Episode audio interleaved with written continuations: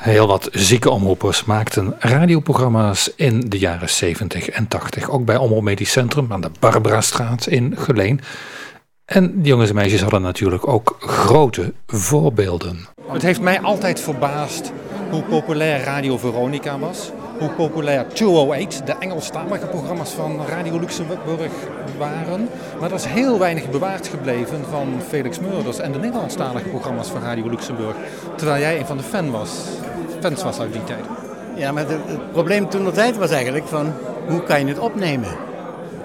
je had alleen een bandrecorder. Ik had, ik had al eigenlijk vroeger een bandrecorder. Maar uh, ja, dat was toch wel het grootste probleem. Want ook die banden waren hartstikke duur.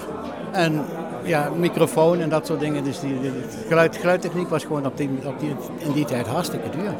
Luister je nu nog veel naar de radio? Kan de radio jou nu nog bekoren na de manier waarop je radio maakte in de jaren 70? Ik uh, heb af en toe nog wel zo van, van er is nog een Limburgse zender of zoiets met, met, uh, met Limburgse uh, tongval en, en ook oude nummers gedraaid worden. ik heb zelfs nog een, ja, ik heb vergeten mee te nemen een sticky van die, met 5000 mp3'tjes van, van de jaren 60, 70, 80. En ik heb hier ook nog oude banden liggen. Dus, maar als ik jou zo hoor praten, zou ik verwachten dat de Rolling Stones jouw favoriete. Als ik jou zo hoor praten, en als ik zie hoe je erbij loopt, zou ik verwachten dat de toppers uit de jaren 70, de Rolling Stones, hoog op jouw favoriete persoonlijke lijst zouden staan. Die hebben wel wat gedaan, ja, bij mij.